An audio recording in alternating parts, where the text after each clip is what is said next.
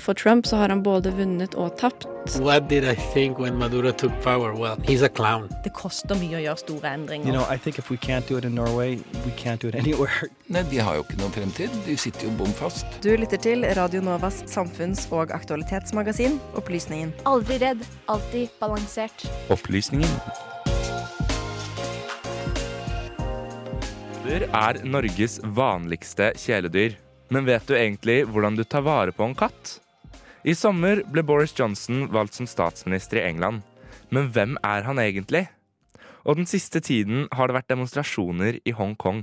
Men hvorfor demonstrerer de, og hva er det de vil oppnå? Du hører på Opplysningen. Aldri redd, alltid balansert. Opplysningen hver fredag mellom klokken 10 og 11 på Radio Nova.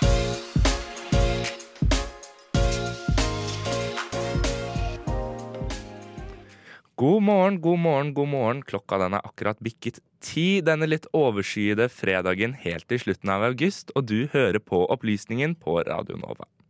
Mitt navn det er Sander Zakaria, og jeg skal lose deg gjennom den neste timen her på kanalen.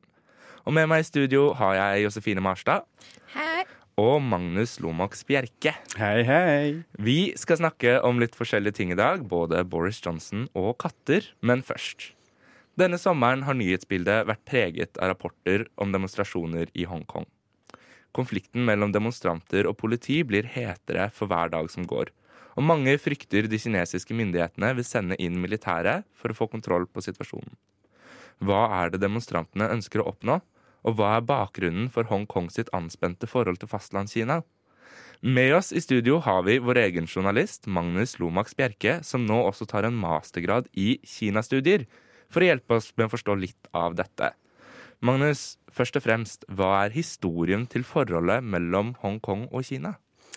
Det er jeg veldig glad for at du spør om, for jeg tror det er eh, særdeles viktig for å forstå eh, bakgrunnen til demonstrasjonene eh, i dag.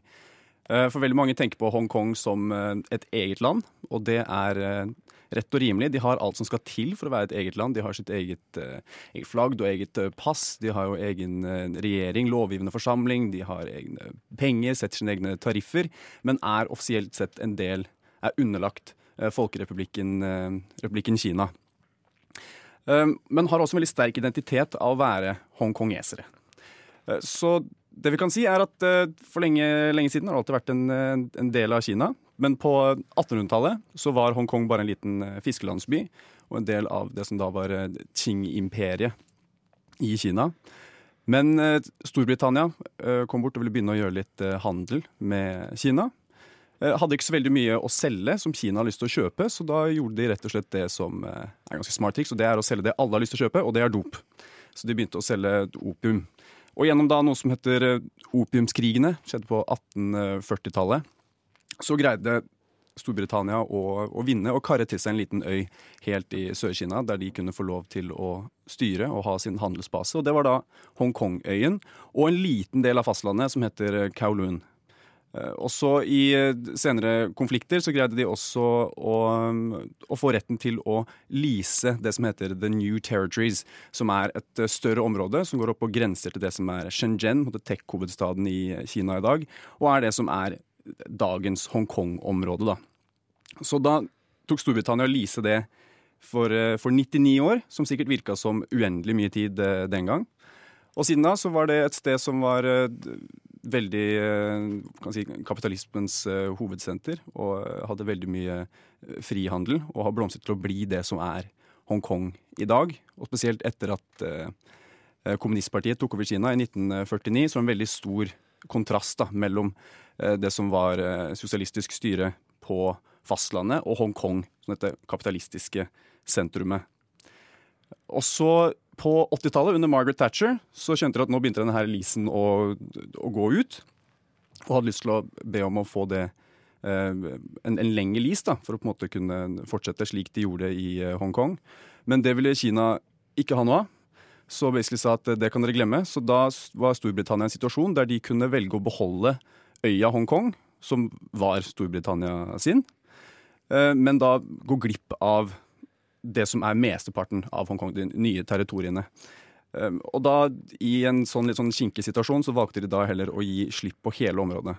Eh, Og mye av det har vel å gjøre med at eh, dersom de bare skulle holde, holde Hongkong, så ville alt ferskvannet de får, f.eks., komme fra nye territoriene som da skulle være underlagt eh, Kina. Og de følte at det var en lite god situasjon eh, å være i. Så da begynte de å forhandle. Kom fram til noe som heter The Sino-British uh, Joint Declaration, som skulle rett og slett garantere at uh, det politiske systemet og frihetene som Hongkong var vant til, de skulle, de skulle holde på i 50 år fremover i tid. Da.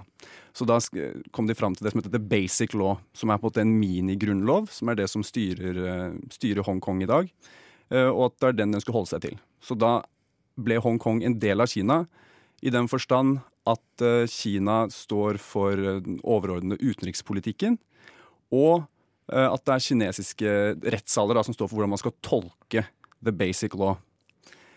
Eh, Men, eh, men ellers så er de et, et eget land og har status som en SAR, a Special Administrative Region, eh, innenfor Kina. Og det har også Macau, som var gammel portugisisk koloni og hadde på en måte liksom samme bakgrunn for å komme dit de er med Kina i dag.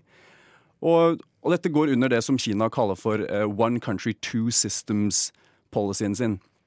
Eh, Så de sier at eh, det skal være en del av Kina, men vi kan ha to forskjellige systemer. Dere kan få lov til å ha demokrati i Hongkong, men dere er en del av Kina. Og det er det de prøver å få Taiwan til å bli med på. For Taiwan ser Kina nå på som en rebell rebellprovins, selv om Taiwan er et, et land for uh, all intents and purposes, kan man si. Men at det er veldig få som eh, anerkjenner dem. da. Men de prøver, å, prøver liksom å lure dem inn eh, for å bli med der. Men disse demonstrasjonene som har preget nyhetsbildet over sommeren, hva var det som fikk dem til å starte, og hva er det demonstrantene ønsker å oppnå? Vi kan koble dem litt til um, The um, Umbrella Movement, eller Occupy Movement, som startet for fem år siden eh, i Hongkong. Som er en del av en, eh, en lengre utilfredshet hos hongkongesere over det de ser på som eh, Beijing sitt forsøk på å få mer politisk kontroll over Hongkong. Noe de, de, som de tenker er, går imot eh, dette her løftet som ble gitt, at de skulle ha måte, selvstyre i 50 år. Eh, Så for fem år siden så var det store, store mm, protester ledet av studenter heter The Umbrella Movement, fordi eh, at eh, Hongkong hadde lagd et nytt system der hvor de sier at eh, Nei, at Beijing lagde et nytt system, eh, mener jeg. Der de sa at eh, hongkongesere får lov til å eh, stemme på sine folkevalgte, men kun av en pool med mennesker som allerede har blitt godkjent av Beijing. Så du har, det er på en måte ikke fritt valg. Kandidatene har allerede blitt eh, bestemt. da. Eh, Og det er eh, fortsatt tilfellet i dag, for de fikk ikke full gjennomslagskraft forrige gang. Så det er en del av det som eh, skjer med demonstrasjonene i dag også. Men det som startet det hele, er ganske interessant. Og det starta første protestene var vel i april-mai-tider. Og det var fordi at du hadde et hongkongesisk par som hadde vært på ferie i Taiwan. Der hvor mannen angivelig drepte kona si. Men så flyktet tilbake til, til Hongkong. Og slik reglene er i dag, så, så har ikke Hongkong noen avtale, utleveringsavtale med veldig mange land som sier at om du er dømt for noe i et annet land, eller eh, påtalt for noe, så kan ikke du bli sendt i dette tilfellet tilbake til Taiwan for å bli stilt for retten. Så dette er et tilfelle hvor da sjefen i Hongkong, Carrie Lam, hadde fått eh, veldig mye si, klager fra, fra Taiwan. eh, som, eh, som satte press på henne om at de burde ha en sånn avtale. Så Da skrev de en ganske rask, eh, rask lov som skulle få det til å skje. Men mange har tolket den loven på den måten at dette gir da Folkerepublikken Kina muligheten til å få utlevert folk i Hongkong til Kina for å bli stilt for retten. Og det man er redd for da, er at eh, det gir et smutthull for Beijing til å få folk som er kritiske av regimet i Beijing i Hongkong, til å bli utlevert, eller folk som bare er for mer demokratiske rettigheter. Og det er et problem, fordi rettssystemet i Kina er eh, grusomt eh, effektivt. De har 99 eh, dømsrate, og man har ikke noen garanti for at det går for seg på en forsvarlig måte, som folk i Hongkong forventer. da. Så dette startet protestene, som har holdt gjennom hele sommeren, og de ble større og større. På et visst punkt så hadde du to millioner mennesker ute, utenpå gata. Så det er en fjerdedel av hele Hongkong sin befolkning.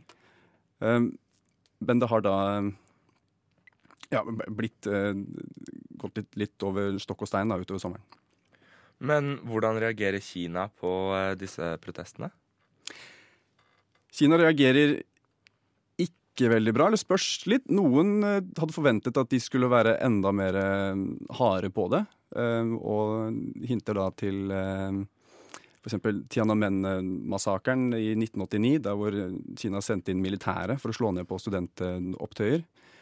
Um, Men det har vært politiet politi i Hongkong og protestantene som har vært eh, der det har stått eh, hardest. Eh, Veldig mange mener at store deler av politiet er veldig lojale til, eh, til Beijing. Um, og så har du hatt veldig mye eh, voldsepisoder. Men igjen, det er, det er, eh, noen rapporterer om at dette her er, eh, er gangstere som har blitt leid av, eh, av Beijing. Andre sida sier kanskje dette her er bare en, en, en liten gjeng mennesker som driver og, og, og skaper kaos på, på andre siden igjen. Så det er, veldig, det er veldig lite tydelig nå. Men det vi vet, er at det har vært veldig, veldig store fredelige eh, demonstrasjoner. Men akkurat i dag så rapporterte faktisk South China Morning Post at det har vært eh, kinesiske tropper på grensen til Hongkong som er bygd opp over lengre tid, som nå har flyttet seg inn i Hongkong. Eh, Så det, det ser ut til at det er, det potensialet for at militæret blir, eh, blir involvert. Og eh, lederne av Occupy Movement for fem år siden ble også i dag, tror jeg, eller i går, arrestert. Og grunnlaget for det var vel at de har oppfordret til, til om, ikke, om ikke vold, så bare oppfordret til kaos, eller noe, noe lignende som det. Fordi det skal være protester planlagt i morgen som, eh, for å feire jubileet da, til, disse, til Occupy Movement for fem år siden. Yes, Magnus, tusen takk for at du kom innom hit og forklarte litt mer om situasjonen i Hongkong og i Kina. Jeg har i hvert fall lært mye, og det håper jeg dere som lytter på også har gjort. Nei, Vi ønsker jo et uh, sosialistisk uh, folkestyre. da. tar denne telefonen opp, åpner den, og noen ganger så blir vi jo dratt inn i et sånn sort hull. Eh, Jeg mener ikke at du skal måtte velge mellom å delta i demokratiet og få karakter i gym. Du hører på Radio Novas samfunns- og aktualitetsmagasin Opplysningen. Opplysningen hver fredag fra klokken 10 til 11. På Radio Nova. Det store problemet som gjenstår, er såkalte backstopper. De ANSA ønsker verken å anbefale studier i Storbritannia eller fraråde mot studier i Storbritannia. Worst case scenario er vi i ferd med å se nå, nemlig hvis man spør Jacob Rees-Mogg og Boris Johnson. Opplysningen gir deg det siste innen britisk politikk. Før sommeren så gikk Theresa May av som statsminister i England. Over sommeren har etterfølgeren hennes Boris Johnson steget inn i Downing Street nummer ti. Men hvem er Johnson egentlig? Det har jeg tatt en liten titt på. I sommer ble Boris Johnson valgt som statsminister i Storbritannia. Han er kjent som en knallhard brexiter og ønsker å trekke Storbritannia ut av unionen uten en avtale, en såkalt no deal. Men hvem er Boris egentlig? Jeg tok turen opp til Statsvitenskapelig fakultet for å snakke med Øyvind Brattberg, førstelektor ved Institutt for statsvitenskap og en av Norges fremste Storbritannia-eksperter. Dessverre fikk vi tekniske problemer med opptaket. Derfor vil jeg gjengi deler av opptaket her, og supplere med videre informasjon. På spørsmål om hvem Boris Johnson er, forklarer Øyvind at han på en måte både er gammeldags og erkebritisk, og begrunner dette bl.a. i Boris' høye utdannelse. Johnson har nemlig utdanning både fra Oxford og Eton, to gode og velkjente britiske universiteter. Brattberg mener derfor at han er annerledes fra amerikanernes president Donald Trump, som ofte blir sammenlignet med Johnson. Dersom man leser litt videre om Boris Johnson, finner man ut at han også har mye erfaring. Johnson har vært både journalist, ordfører i London og har vært utenriksminister i Storbritannia fra 2017 til 2018. Johnsons karriere har i stor grad vært preget av ulike skandaler. Han startet som journalist i The Times, men her fikk han sparken for å ha fabrikkert et sitat. Han fikk imidlertid jobb i The Daily Telegraph like etterpå, og var både politisk kommentator og korrespondent i Brussel i flere år. Derfra ble han kjent for en rekke EU-kritiske reportasjer, som er mye av det vi kjenner igjen i Johnson i dag. Johnsons karriere som utenriksminister førte også til mye kritikk. Han ble bl.a. mye kritisert for et dikt han skrev i en diktkonkurranse i The Spectator i 2016.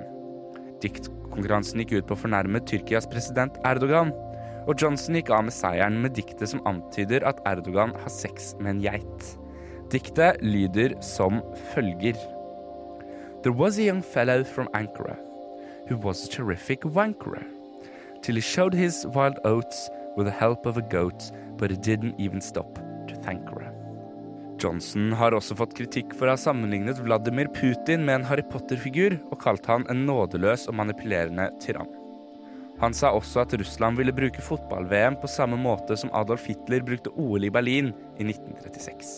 I august 2018 ble det nok en gang mye snakk om Johnson, etter en uttalelse om at muslimske kvinner i burka minnet om postkasser og bankranere.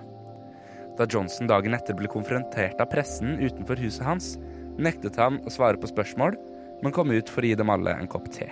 If I have a cup of tea, will, will, you, will you answer my question? No, I'm, I, that's, I'm here solely on a humanitarian mission because you've been here all day and you've been incredibly patient and incredibly, and I feel very sorry for you because I have nothing to say about this matter except offer you some tea. Okay. Okay, go on. Okay, thank you. Thank you so much. Go on. 11. april fikk vi nyheten om at EU hadde bestemt seg for å gi Storbritannia en utsettelse til 31. oktober. Dette var Johnson svært kritisk til, noe Øyvind Svendsen, forsker ved Norsk utenrikspolitisk institutt, forklarte da han var på besøk i Opplysningen og snakket om utsettelsen. Worst case scenario er vi i ferd med å se nå, nemlig hvis man spør Jacob Rees-Mogg og Boris Johnson. Nemlig at man nok en gang utsetter brexit, og man blir værende i EU kanskje fram til 31. oktober. Og hvis man ikke blir enig før, før 22. mai, så må man jaggu også velge eh, representanter til det Europaparlamentet. Johnson ble valgt som statsminister 24. juli etter en langvarig maktkamp hvor han til slutt endte opp med å slå den andre kandidaten, Jeremy Hunt, med flere tusen stemmer. På onsdag ble det klart at Boris hadde fått godkjenning fra dronningen om å suspendere parlamentet. I praksis betyr dette at parlamentet tar en slags ferie i fem uker, og dermed blir det stengt, og det vil ikke være noen debatter i Underhuset. Mange kommentatorer og britiske politikere kaller avgjørelsen udemokratisk, men Brattberg mener dette kan være en del av Johnsons taktikk. Brattberg ser på det som en mulighet. At grunnen til at Johnson er så sterk i retorikken sin, er for å forsøke å presse EU til å legge en bedre avtale på bordet. Avtalen som ligger på bordet i dag, ble fremhandlet av tidligere statsminister Theresa May. Avtalen har blitt nedstemt i parlamentet hele tre ganger og blir regnet som en av de største flausene i Mays karriere, og også det hun vil bli husket for etter hennes avgang. Men Johnsons egentlige taktikk. Resultatet av dette, hva som vil skje med den nye avtalen, blir det en ny avtale, holder man seg den gamle, eller ryker de rett og slett ut av EU 31. oktober? Det er verken Brattberg eller noen andre eksperter sikre på. Dette er en situasjon som endrer seg fra uke til uke. Altså vil det si at det jeg sier om brexit i dag, kan vise seg å være feil i morgen eller om en uke. Det eneste vi kan gjøre for å prøve å finne ut av hva som vil skje, er å følge med på nyhetene i tiden fremover. Der lærte vi altså litt om Boris Johnson. And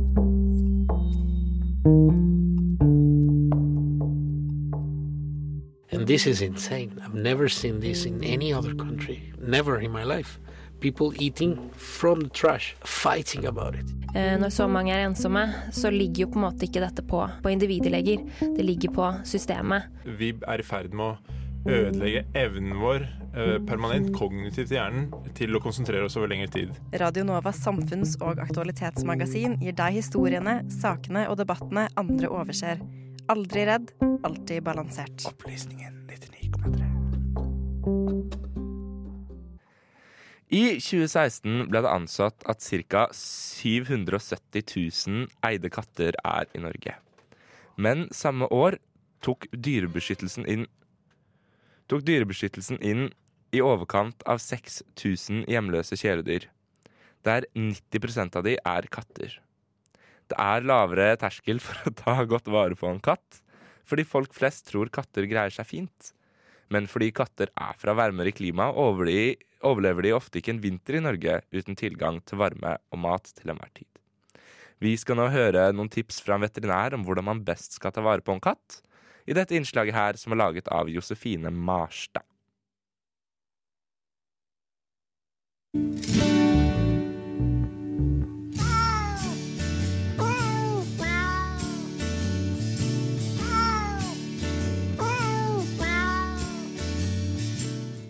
Katter er Norges vanligste husdyr. Likevel er det få som vet hvordan de egentlig skal ta vare på en katt. Jeg tok turen til Annikura dyreklinikk og snakket med veterinær Caroline Holte for å høre hva de vanligste feilene blant katteeiere i dag er. Det er eh, mange som tror at det er enkelt å ha katt, og at det ikke krever så veldig mye, men det er helt feil. Selv har jeg hatt katt i mange år og trodde jeg gjorde alt rett. Likevel ble jeg overrasket over hvor lite puss egentlig kan være ute i minusgrader. Eh, Katter liker stort sett eh, varmt klima. De er jo egentlig fra land hvor det er mye varmere enn her i Norge. Eh, Og de tåler rett og slett ikke mange minusgrader. Så mm, noen har for uvane, hvis jeg kan si det sånn, at de slipper ut katten om morgenen og det er ti minus ute, og katten ikke har mulighet til å gå inn. Og da ser vi en god del katter med frostskader. Eh, De kan få frostskader på øretipper og på tærne og på halen. Eh, Og de skjelver. Jeg trodde også at jeg kunne se selv om pus har det vondt, og at når de maler og koser, så har de det helt fint. Katter er veldig flinke til å skjule smerte, så det skal ekstremt mye til før de slutter å spise, eller slutter å mm, kose med eier eller male. Det er veldig mange katteeiere som sier at 'å, men han maler fortsatt', eller 'han klør seg fortsatt og koser med meg', eller eh, 'han spiser tørrfôr og tygger tørrfôr'. Og så ser vi på røntgenbildet at tennene har gått i oppløsning, f.eks. Så kattene er flinke til å skjule smerte. Da jeg var liten, så jeg på filmen Aristokattene at livretten til kattene er melk. Men lite visste jeg at katter faktisk ikke tåler melk. Anyone for breakfast? What breakfast? Where is it? Right under that magic carpet. Why, Mr. O'Malley, you are amazing. Ja, mange katter liker jo melk, og jeg har flere pasienter eller eiere av pasienter som sier at de gir katten sin melk. Og det er egentlig ikke kattemat, det er menneskemat. Katters mage den kan ikke mm, gjøre om laktose som er i melken. Så mm, eh, melk til katter kan i verste fall føre til diaré. Er du blant de som tar to fluer i en smekk og handler mat til pus på dagligvarebutikken? Den maten som du får kjøpt i dagligvarebutikken, den er til mennesker. Og så er det noen som fôrer med kattemat fra matbutikken også. Og den inneholder ofte mer salt enn det maten du får kjøpt i dyrebutikk gjør. Kattene er verdensmestere i å tigge, og mange katter tigger menneskemat. Det kan være leverpostei eller reker eller ja. Og i utgangspunktet, vi mennesker vi kjøper jo all maten vår i dagligvarebutikken. Og kattens mat den bør vi kjøpe i dyrebutikk eller hos veterinær. Da vil du oppleve at katten din får blankere pels og mindre lukt kanskje på avføringen. Og mindre volum på avføringen. Og ikke minst en friskere katt. Fra jeg var liten har jeg trodd at pus klarer seg fint selv, og at når vi reiser bort, er det greit at naboen kommer innom et par ganger om dagen. Men altså, der tok jeg helt feil. Oh, where am I? Not at home at all. Når man skal på ferie, så må, man, må jo katten ha kattepass. Så da er det flere måter å gjøre det på. Enten så kan man få noen til å kanskje bo hjemme hos seg selv, der hvor katten er vant til å være. Sånn at katten slipper å flytte bosted mens du er på ferie. Men det er jo ikke alle som har mulighet til det, og da er det vanlig at man skaffer en kattekennel. Eh, Det betyr at man setter katten på kennel, hvor den har tilsyn og mat og vann og stell og kos og, og omsorg. Det man ikke skal gjøre, som noen gjør, er å reise fra katten sin. Eh, Ja, det betyr å dra på ferie og sette ut mat og vann, eller avtale med en nabo som kommer innom og gir mat og vann. Det syns jeg ikke noe om. Da er det mange katter som eh, forsvinner. Eh, og det er ingen som kan sjekke de daglig og oppdage hvis det er noe sykdom eller skade eller et sår eller noen sånne ting. Veterinær Karoline syns det er viktig at alle kastrerer kattene sine. I tillegg så syns jeg at alle katter bør kastreres. Og hvis katten ikke er kastrert, så bør man være svært forsiktig med å slippe ut katten. De får litt større radius hvis de ikke er kastrert, så de kan streife og gå litt lenger unna huset enn det de kanskje hadde planlagt pga. kjønnsdrift. Hvis de er kastrert, så er de litt, ofte litt flinkere til å holde seg i nærheten av hjemmet. Men ikke slipp ut ukastrerte katter. Og er det en hunnkatt, så kan den jo også bli parret uten at man vet det, eller er klar over det, eller ønsker det.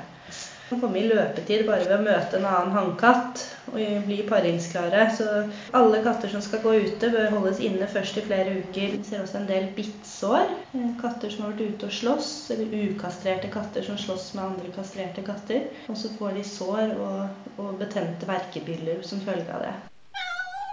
Hun forklarer også hvorfor det er viktig med vaksine og årlig sjekk av pus. Alle katter bør vaksineres. Da får de vaksine to ganger når de er kattunger. Når de er 12 og 16 uker. Og så anbefaler vi helsesjekk og årlig vaksine etter det. Da jeg spurte om hva som er det vanligste helseproblemet blant katter, ble jeg veldig overrasket over svaret. Eh, hovedproblemet som vi ser her på klinikken, og det jeg jobber mest med, er tannproblemer. Veldig mange dyreeiere eller katteeiere vet ikke at uh, katter kan få store tannproblemer. Uh, så vi ser katter, mange katter med mye dårlige tenner. Katter er spesielt utsatt for en sykdom som heter tannresorpsjon. Og det er at røttene på tennene går i oppløsning. Og det er veldig smertefullt. Selve kronen på tannen, eller det som stikker opp av tannkjøttet, kan se normalt ut for eier og for veterinær mens røttene kan gå i oppløsning, og dette må påvises med røntgen. Gikk dette litt fort? Her får du veterinærens tips oppsummert. Til nye katteeiere så ønsker jeg å si at dere må skippe katten deres. Og jeg anbefaler alle å kastrere katten sin. Eh, årlig helsesjekk med vaksine. Da, på denne årlige helsesjekken så har man mulighet til å oppdage sykdom tidlig og kunne behandle. Og fôre katten din på et eh, bra fôr av høy kvalitet og kose masse med den. Panda, say I love you. Yes, Der håper jeg vi alle har lært litt om hvordan man skal ta vare på en katt. Jeg skulle i hvert fall hjem og kose litt ekstra på Simba i kveld. Og dette innslaget her ble altså laget av Josefine Marstad. Og det var faktisk alt vi rakk for i dag. Medvirkende til dagens sending det har vært Magnus Lomax Bjerke. Takk for meg. Josefine Marstad. God helg! Og teknikerhjelp fikk vi fra Veraltis trofaste Annika Bogen. Vær så god. Um, mitt navn det er, har vært Sander Zakaria, og tusen takk for at du har hørt på. Hør oss gjerne på podkast der du ellers finner podkaster, og følg oss på sosiale medier, både Instagram, Twitter og Facebook. Og helt til slutt, vil du bli med i Opplysningen eller bli med i Radio Nova generelt? Da må du søke. Og Søknadsfristen den går ut om 13 timer, altså ved midnatt i natt. Mer informasjon det finner dere på Radionovas Facebook-sider eller radionova.no. Bli gjerne på kanalen litt til. Etter oss kommer Studentnyhetene, som i dag skal snakke med både Senterpartiet, Folkeaksjonen Nei til mer bompenger og KrF i deres valgspesial. Tusen takk for at du har hørt på, og vi avslutter med låta 'Swimming' av Chico Sve etter denne kjappe meldingen. Radionova er best. Alle andre er tapere.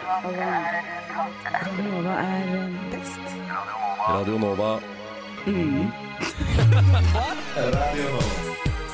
Radio Nova. Siden 1982 har Radionova gitt deg favorittmusikken din før du visste at du likte den.